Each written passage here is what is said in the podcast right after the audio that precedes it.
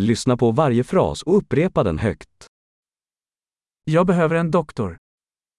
私は医者を必要とする。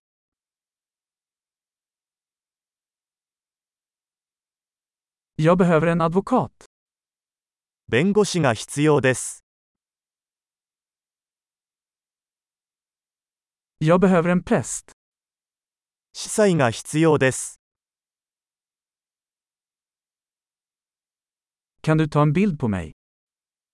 私の写真を撮ってもらえますか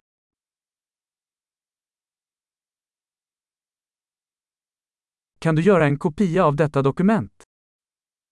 この書類のコピーを作ってもらえますか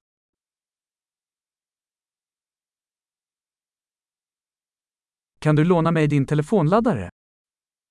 携帯電話の充電器を貸してもらえますか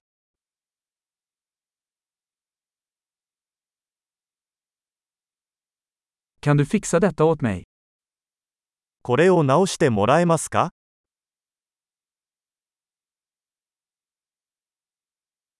Kan du ringa en taxi åt mig? タクシーを呼んでもらえますか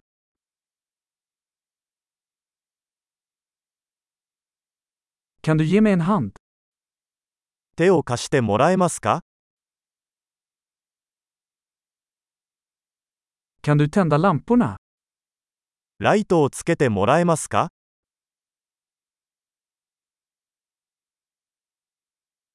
Kan du släcka lamporna? ライトを消してもらえますか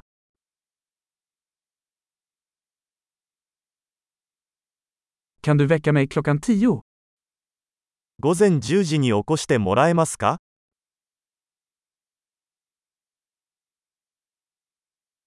Kan du ge mig några tips?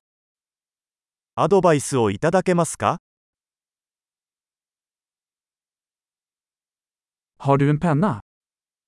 鉛筆を持っていますか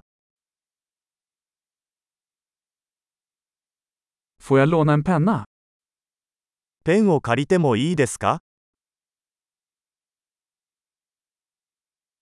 Kan du öppna fönstret?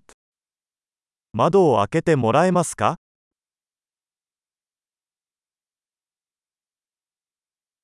Kan du stänga fönstret? 窓を閉めてもらえますか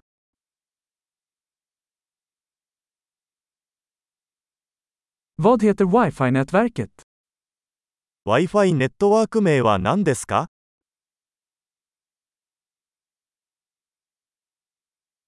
Vad är wifi-lösenordet?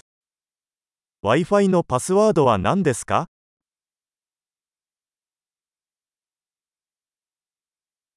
Bra! Kom ihåg att lyssna på det här avsnittet flera gånger för att förbättra retentionen. Trevliga resor!